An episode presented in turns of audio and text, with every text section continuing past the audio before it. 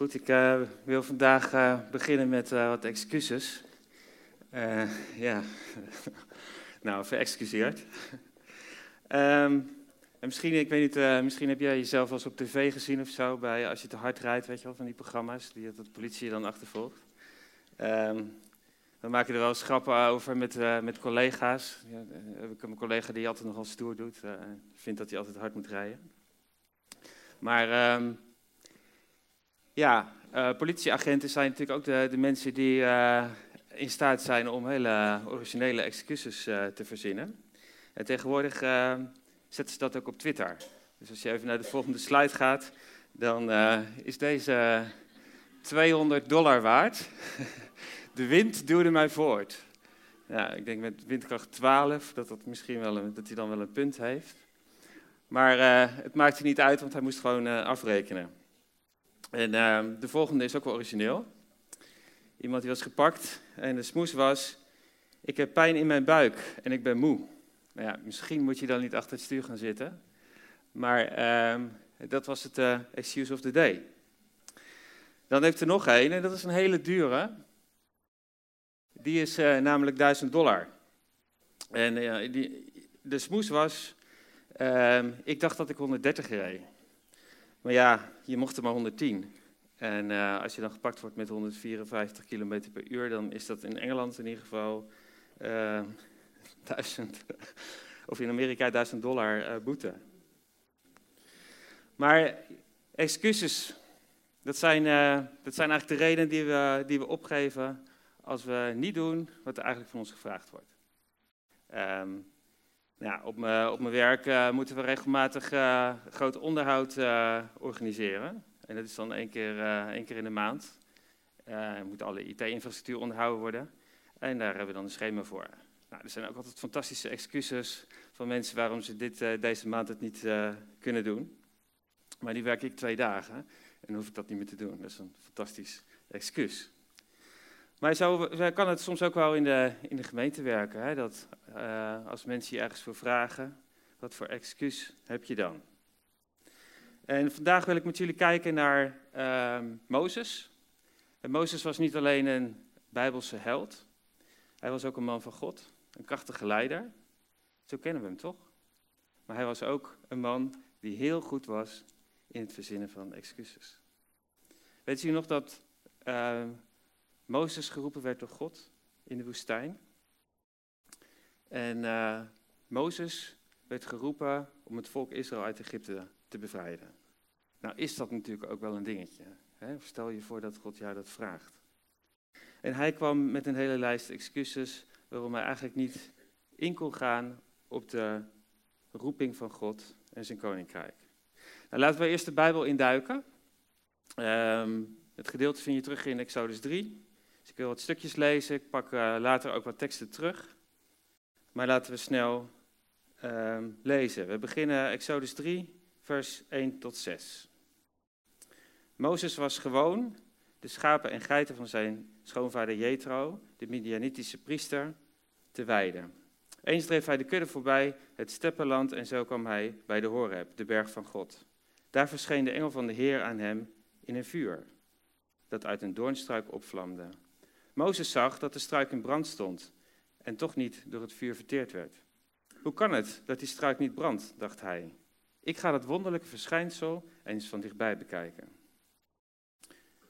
Maar toen de Heer zag dat Mozes dat ging doen, riep hij hem vanuit de struik. Mozes, Mozes.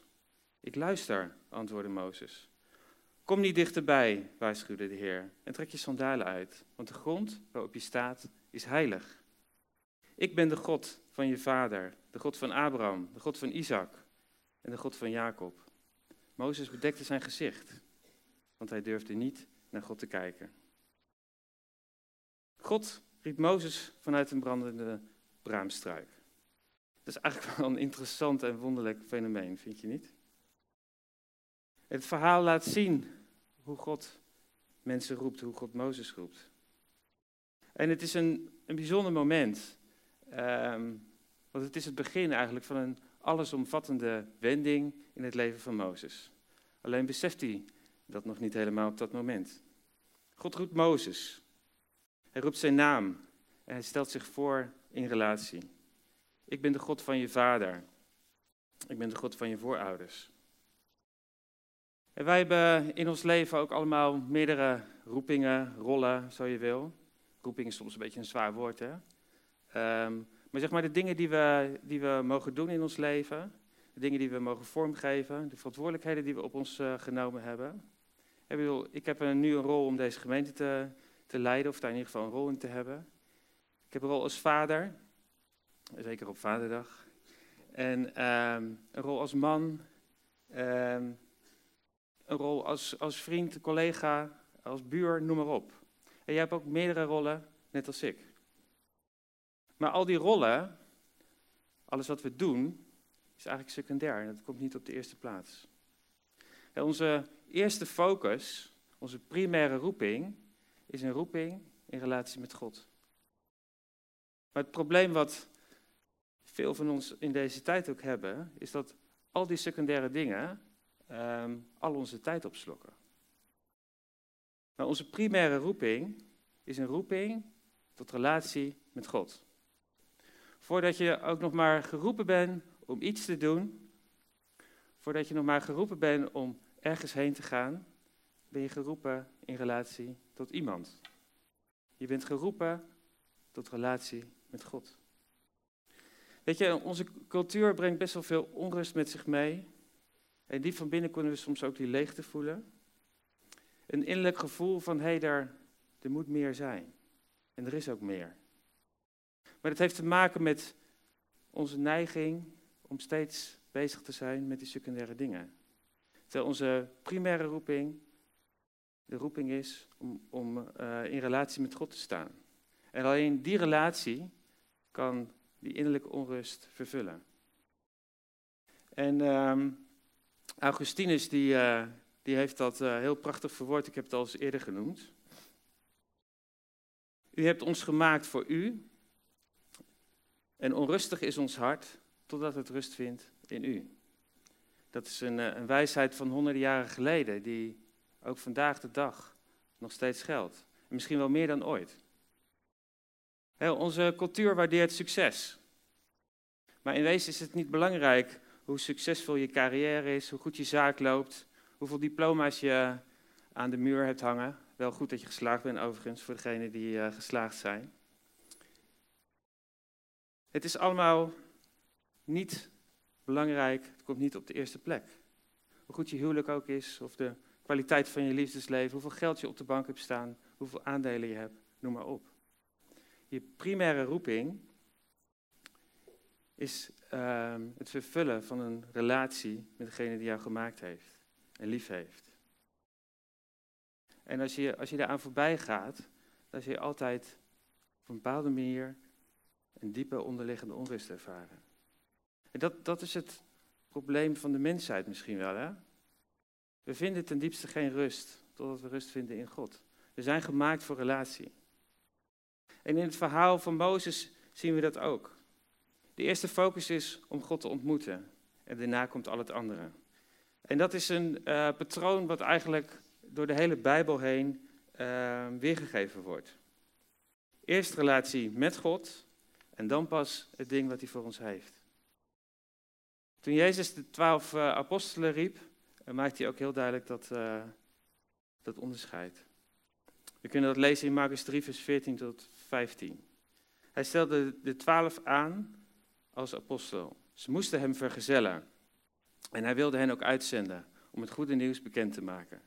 Ze kregen de macht om demonen uit te drijven. Nou, in de MBG-vertaling staat op dat zij bij hem zouden zijn. Dus het patroon is dus eerst bij Jezus zijn en dan het goede nieuws bekendmaken. En alle andere dingen die erbij hoorden. Zieken genezen, demonen uitdrijven, noem maar op. En datzelfde, dat zien we terug um, toen Paulus Jezus ontmoette op de weg naar Damascus. We weten waarschijnlijk allemaal wel, Paulus was uh, met allerlei andere dingen bezig. Die was met een soort uh, jihad bezig tegen christenen. Maar dan um, ontmoet hij Jezus in een uh, bliksemschicht, zou je bijna zeggen, een fel licht uit de hemel. We kunnen dat lezen in Handelingen 26. En ehm, laten we het even lezen. lezen vanaf vers 6. Maar onderweg, niet ver van Damascus, gebeurde er tegen het middaguur iets onverwachts. Opeens werd ik omstraald door een fel licht uit de hemel. Ik viel op de grond en hoorde een stem tegen me zeggen: Saul, Saul, waarom vervolg je mij? Ik vroeg: Wie bent u, Heer? En de Heer antwoordde: Ik ben Jezus van Nazareth, die jij vervolgt. De mensen die bij me kwamen zagen wel het licht, maar hoorden niet de stem van hem die tegen mij sprak. Ik vroeg: Wat moet ik doen, Heer? De Heer zei tegen mij: Sta op en ga naar Damascus. Daar krijg je precies te horen wat je opdracht is. Paulus stelt twee vragen. De eerste is: Wie bent u, Heer? De tweede: Wat moet ik doen? En wat wij vaak doen, is die vragen omdraaien. We vragen vaak eerst aan de Heer: Wat wilt u dat ik doen zou? Nog voor we een antwoord hebben op de vraag: Wie bent u? Nog voordat we echt weten wie Hij is. Zo kan je bijvoorbeeld met grote vragen zitten, vragen die veel uh, bepalen. Zal ik wel of niet gaan trouwen? Met dit meisje of die jongen? Is dit wel de ware? Is dit de persoon die je voor mij heeft? Moet ik gaan verhuizen? Moet ik een huis kopen? Moet ik een hypotheek nemen? Zal ik huren? Welke baan moet ik hebben? Welke school? Welke universiteit? Wat moet ik doen? Moet ik verhuizen of moet ik uh, nog wel blijven werken bij mijn baas? Dat soort dingen. Grote, grote beslissingen die in je leven een wissel kunnen zetten. En het gaat er dan ook niet om dat die vragen onbelangrijk zijn. Dat zijn ze zeker. Ze zijn dus belangrijk, bedoel ik dan, hè? maar het punt is dat die vragen op de tweede plek komen. Ze zijn secundair. En de primaire vraag die we eerst moeten stellen is: ben ik in relatie met Jezus? Ben ik Hem aan het volgen in mijn leven? En vervul ik mijn roeping in het kennen van degene die mij heeft gemaakt en die ontzettend veel van mij houdt? En vervul jij je primaire roeping om de God die jou heeft gemaakt van hart tot hart te kennen? Mag ik dat zo persoonlijk bij je neerleggen? Mag ik dat aan je vragen? Ken jij degene persoonlijk die zijn zoon naar deze wereld heeft gestuurd om voor jou te sterven aan het kruis? Ken je hem? Ik wil even een, een verhaaltje vertellen van een man genaamd Arthur Burns. Wie kent hem? Nou, niemand, ik ook niet. Maar het is een prachtig verhaal. Uh, Arthur Burns was een uh, Amerikaanse econoom die in hoge kringen verkeerde in de jaren 70. Hij adviseerde de Amerikaanse regering in het Witte Huis. En in die tijd was de, de Amerikaanse regering nog een stuk christelijker dan dat het nu was. En er waren dus, dus bijbelstudies en bidstonden in, in het Witte Huis, moet je je voorstellen. Nou, Arthur Burns werd op een gegeven moment ook uitgenodigd voor zijn bidstond. Met bijbelstudie.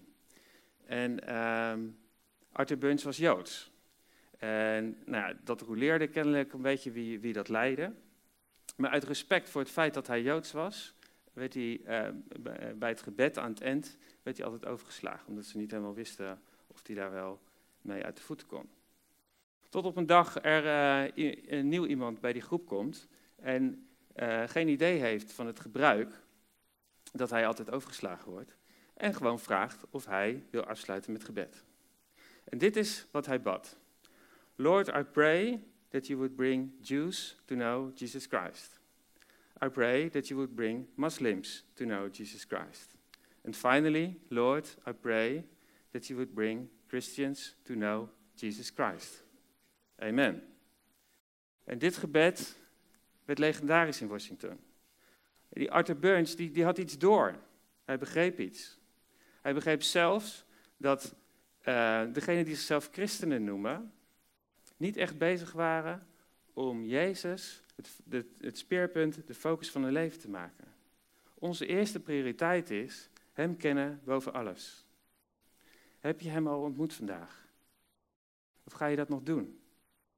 Neem je daar de tijd voor? Je vraagt je wellicht af van hoe werkt het dan? Wanneer kan ik God ontmoeten? En laten we teruggaan naar de tekst. Laten we kijken hoe dat bij Mozes werkte. Wanneer ontmoeten we God? Wat was Mozes aan het doen? We hebben het net gelezen. Hij was gewoon de schapen aan het weiden. Het was een gewone dag als alle anderen. Mozes was gewoon aan het doen wat hij al 40 jaar lang deed. Het hoeden van de kuddes van zijn schoonvader. En uh, Mozes kwam ook aan bij een gewone struik, braamstruik. En toch gebeurde daar iets bijzonders. De God van verrassingen openbaart zichzelf. Hij laat zich zien.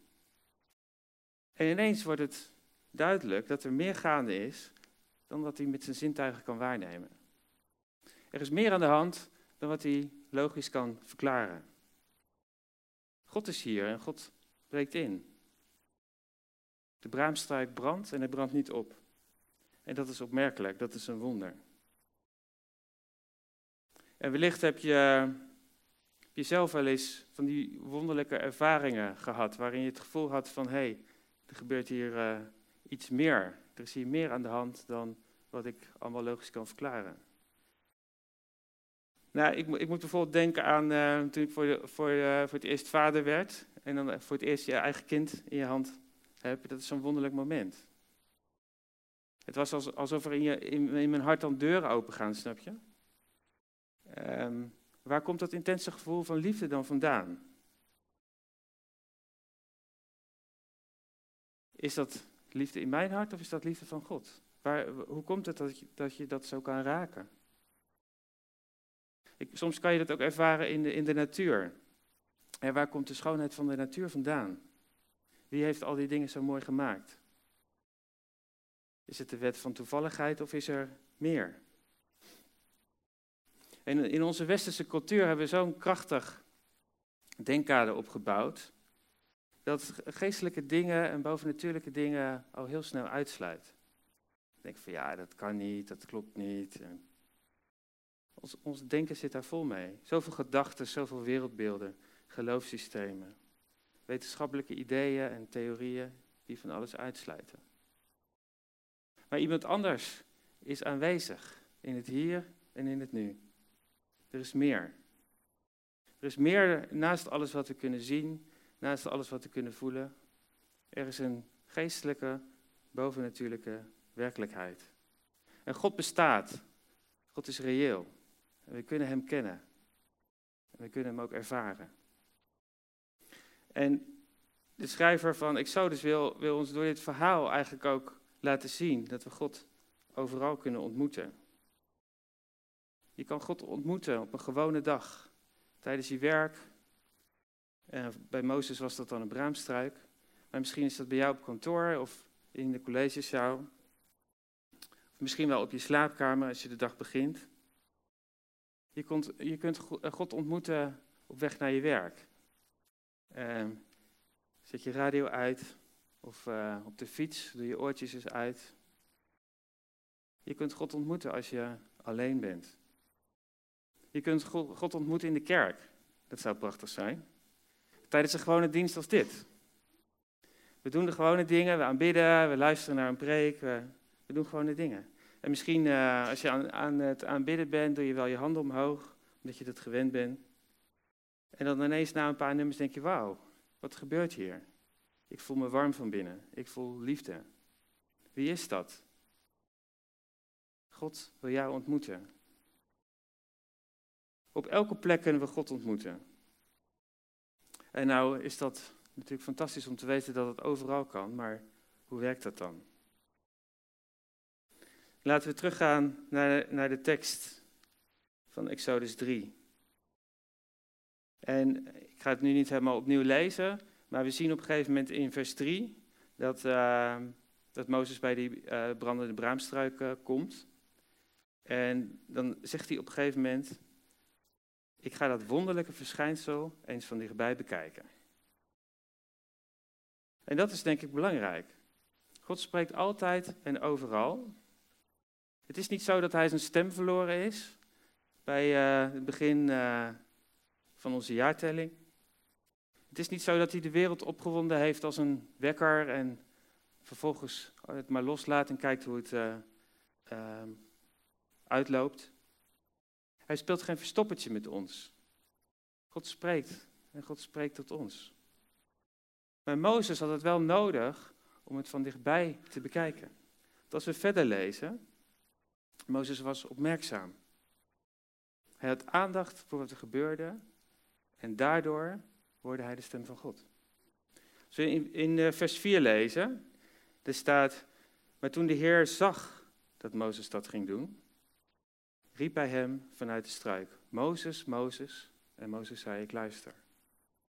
Dus Mozes ging dat wonderlijke verschijnsel bekijken. God zag dat hij dat deed en toen riep God Mozes. Maar als wij iedere, ieder moment van de dag volgepland hebben, dan is er geen ruimte in ons hoofd om opmerkzaam te zijn. Er is geen ruimte om opmerkzaam te zijn wat God zegt. Laat staan dat we tijd hebben om daarop te reageren. Onze eerste roeping is in relatie tot God. Wees opmerkzaam.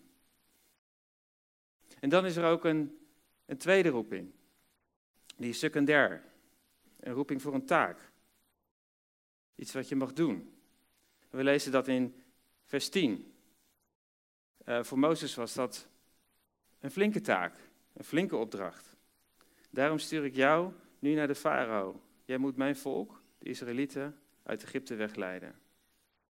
God geeft Mozes hier een hele duidelijke taak. Dus de eerste focus is, kom bij mij, leer mij kennen, wees opmerkzaam. Pas dan gaan we naar de farao en uh, zorgen dat het volk daar wegkomt. Als God ons roept, is het geen multiple choice vraag. Hij zegt niet tegen Mozes van, uh, nou hier heb ik optie A en B en C en misschien ook nog wel D, kies jij maar. Gods uh, roeping daar is ook niet een uitnodiging voor een gesprek. En zo van, nou laten we het er nog eens over hebben, misschien kunnen we nog eens brainstormen over hoe we dat allemaal gaan doen. God zegt dat allemaal niet. Dat is ook niet wat een roeping is. Een roeping is een roeping om te gehoorzamen. Dit is wat ik voor je heb, Mozes. Wil je op pad gaan? Wil je dat uit gaan voeren? En als Mozes die uh, roeping van God hoort, dan komt hij met een hele lijst van excuses. Ik noemde het net al. Naast een ontzettende Bijbelse held is hij ook kampioen excuses maken. Het eerste excuus. Ben niet goed genoeg. Vers 11. Mozes zei, maar wie ben ik dat ik naar de farao zou gaan en de Israëlieten uit Egypte zou leiden? Wie ben ik? Mozes ziet het gewoon nog niet gebeuren. Wie ben ik dat ik de machtigste man van de toenmalige aarde, uh, dat ik daar naartoe zou stappen en zeggen van joh, uh, moet je eens luisteren, maar je moet mijn landgenoten vrijlaten. Wie ben ik? Ik ben niet goed genoeg. Iedereen die God roept in de Bijbel, daar was ook wel wat mee. En uh, als God jou roept, er is vast ook wel wat met jou. Er is ook genoeg mis met mij. Maar kennelijk gaat het daar niet om. Laten we eens kijken wat Gods antwoord is aan Mozes in vers 12. God antwoordde namelijk, ik zal bij je zijn. En dit zal voor jou het teken zijn dat ik je heb gestuurd. Als het volk uit Egypte heb weggeleid, zullen jullie God bij deze berg vereren. God zegt hier dus uh, tegen Mozes, het maakt dus niet uit wie jij bent of waar je vandaan komt, of wat je achtergrond ook is. Wat er wel toe doet, is dat ik bij je ben. En elke keer als wij tegen God uh, zeggen van, nou ja, ik hoor u misschien wel, dat u wilt dat ik dit of dat ga doen. U wilt misschien wel dat ik kinderwerk ga doen, of een groep leiden, of betrokken raak bij gebed, of vrijwilligerswerk. En dat je dan misschien denkt, ja, dat kan ik niet. Ik zie dat niet gebeuren, het past niet in mijn agenda. Tegen iedereen zegt God, ik zal bij je zijn. En Jezus zegt dat ook. Op het moment dat hij de grote opdracht aan de kerk geeft, vlak voor zijn hemelvaart. Hij zei dan, mij is alle macht gegeven in hemel en op aarde. Ga dus op weg Maak alle volken tot mijn leerlingen door hen te dopen in de naam van de Vader, de Zoon en de Heilige Geest. En hen te leren dat ze zich moeten houden aan alles wat ik jullie heb opgedragen. En houd dit voor ogen. Ik ben met jullie alle dagen tot aan de voleinding van deze wereld. Dat is nogal wat. Grote opdracht. Discipelen maken over de hele wereld. Is misschien nog wel ingewikkelder dan, dan de context waar Mozes in zat. Je vraagt je misschien af, hoe moet ik überhaupt een gesprek beginnen over God met mijn collega's?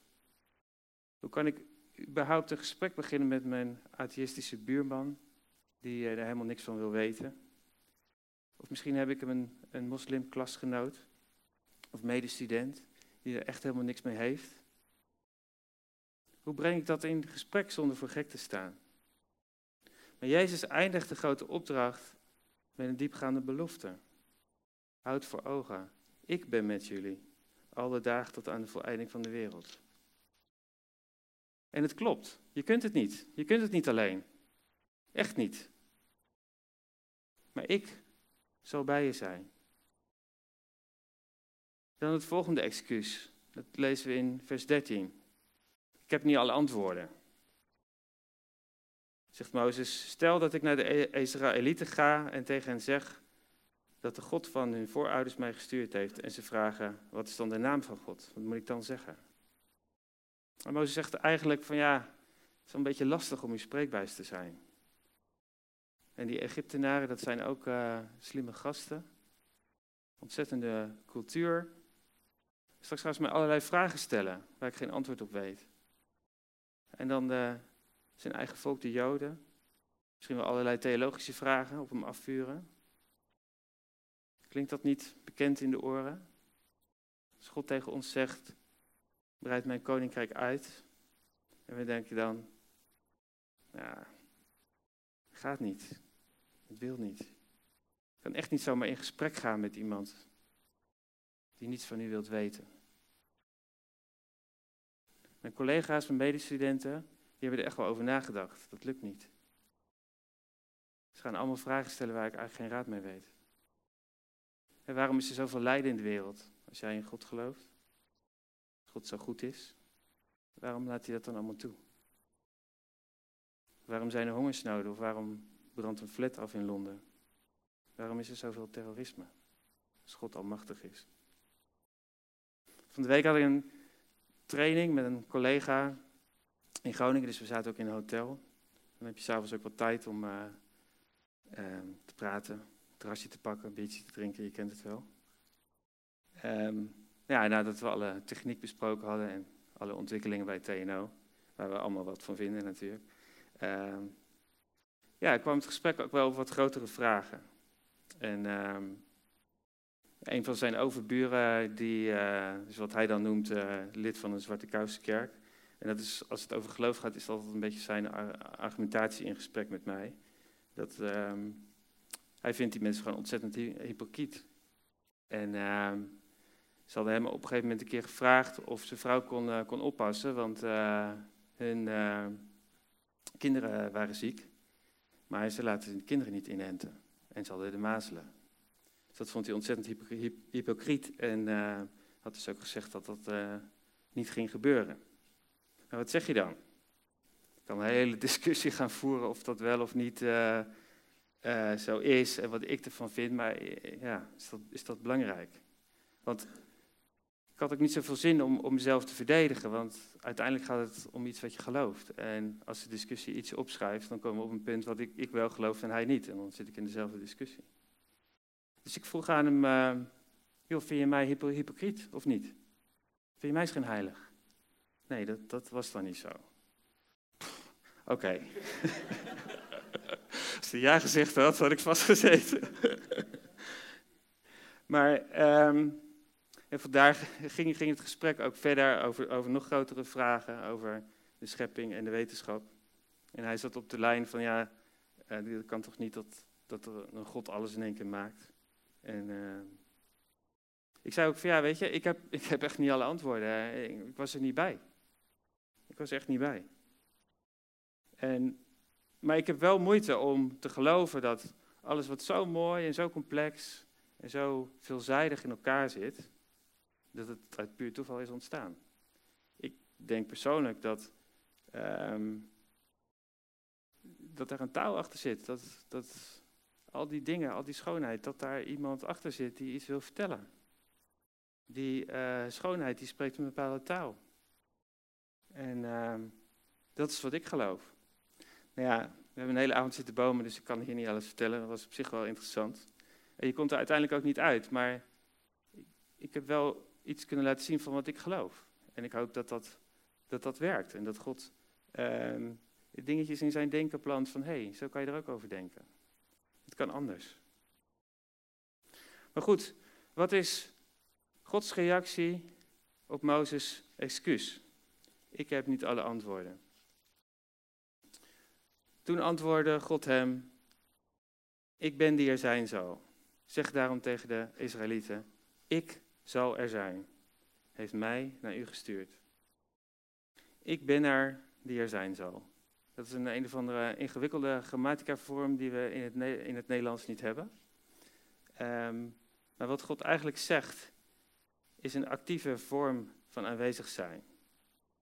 Hij zegt er eigenlijk van, ik ben niet een een of ander filosofisch principe of een theologisch concept. Ik ben niet de conclusie van een een of andere redenering. Ik ben niet iemand die komt opdagen aan het eind van de tijd als Jezus terugkomt. Ik ben niet iemand uit het verleden van 2000 jaar geleden of nog langer. Ik zit niet gevangen in een zwart boek met een kruis erop. Ik ben aanwezig. Ik ben actief. Aanwezig. Ik ben aan het werk. Ik ben op jouw kantoor.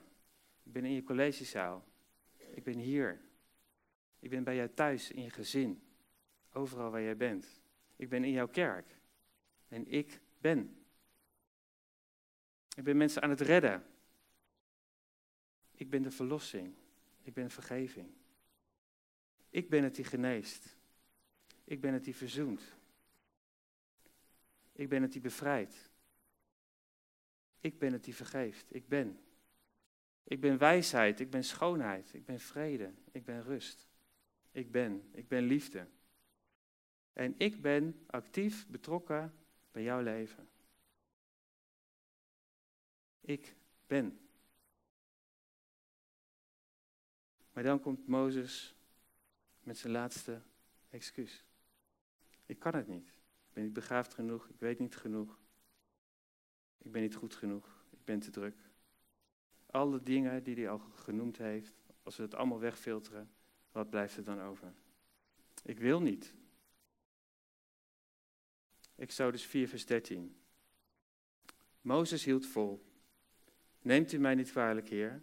Stuur toch iemand anders, wie u maar wilt. Ik kan het niet en daarom wil ik niet.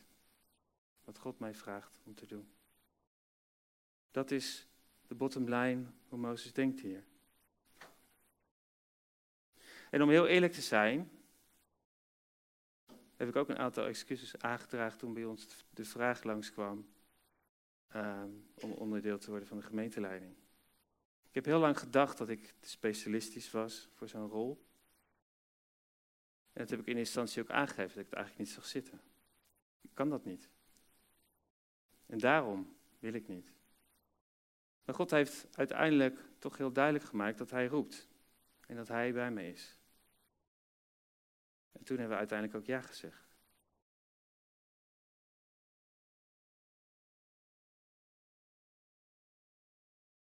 En misschien is het dan wel dat we het moeten omdraaien. Ja, ik kan het niet, maar God kan het wel. En daarom zal ik doen wat God van mij vraagt. Als we terugkijken naar het verhaal van Mozes, God beantwoordt niet alle gevoelens van ontoereikendheid van Mozes. Hij zegt ook niet, kom op gast, je kan het wel, je kunt het. Je mist gewoon wat zelfvertrouwen. Dat zegt hij niet. Je bent wel goed genoeg voor wat ik je vraag. Je bent ontzettend begaafd, man. Ik heb wel vertrouwen in jou. God zegt dat allemaal niet. En Mozes' excuses zijn in principe zelfgericht. Ik kan het niet. Ik ben niet goed genoeg. Ik weet niet alle antwoorden. Ik wil niet. Maar God zegt, richt je blik af van jezelf en richt je blik op mij. Vertrouw mij, vertrouw mijn aanwezigheid. En als ik je ergens voor vraag, als ik je roep voor een rol of een taak, als ik maar ook iets van je vraag, dan zal ik bij je zijn. Ik zal je toerusten. Ik zal je geven wat je nodig hebt. Vertrouw mij. En ik zal door jou heen doen wat ik van jou vraag. Amen. Zullen we staan? Zullen we in Gods aanwezigheid zijn? Zullen we tot hem bidden?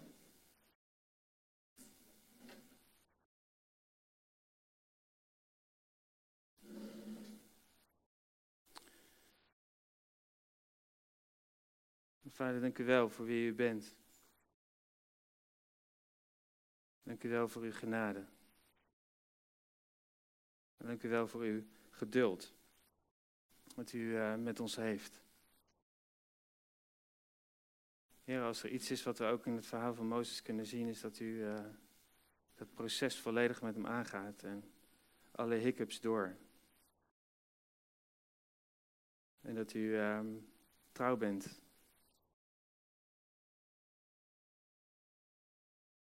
En Heer, kom met uw Heilige Geest. Wilt u de rijen doorgaan en wilt u ons ontmoeten. Wilt u ja, boven natuurlijk inbreken. Dat u uzelf openbaren.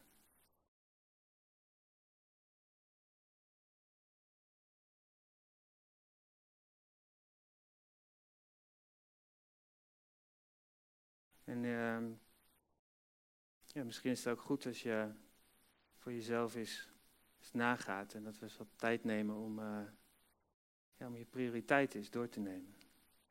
Dus kom, kom in de rust, kom in de rust van je vader. Kom in de rust van de Heilige Geest. En wat, wat is nou echt belangrijk? Wat, wat ga jij kiezen vandaag?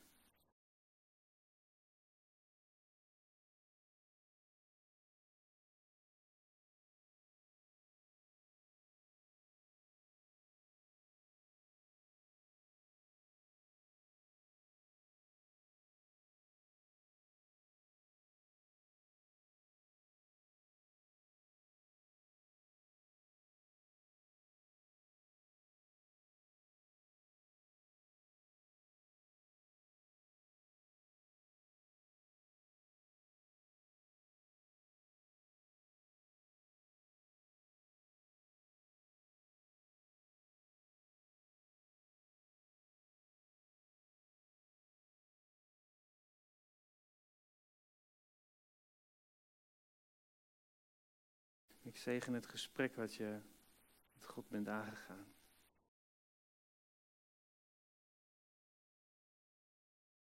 En kom Heilige Geest en dat u dat gesprek ook uh, vervolgen. Je help ons om, om te kiezen voor u. Om te kiezen voor relatie met u. Om u te kennen van hart tot hart.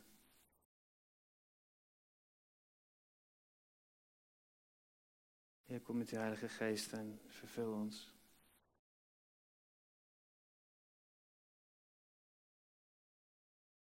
Als er mensen zijn die daar uh, in bemoedigd willen worden, open je hart, open je handen. Je, je hoeft niet per se naar voren te komen om God te ontmoeten. God kan jou ontmoeten hier op je plek. Dus ik wil je zegenen om om God te ontmoeten. Ik wil je zegenen om uh, zijn stem te verstaan. Ik wil je zegenen om opmerkzaam te zijn. Ik wil je zegenen om rust in te bouwen in je leven. En tijd.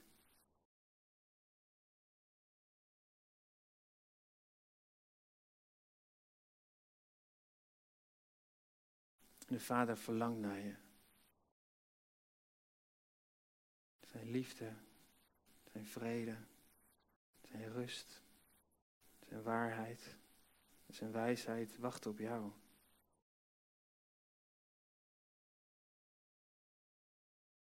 ontvang die dingen. Ontvang ze dagelijks.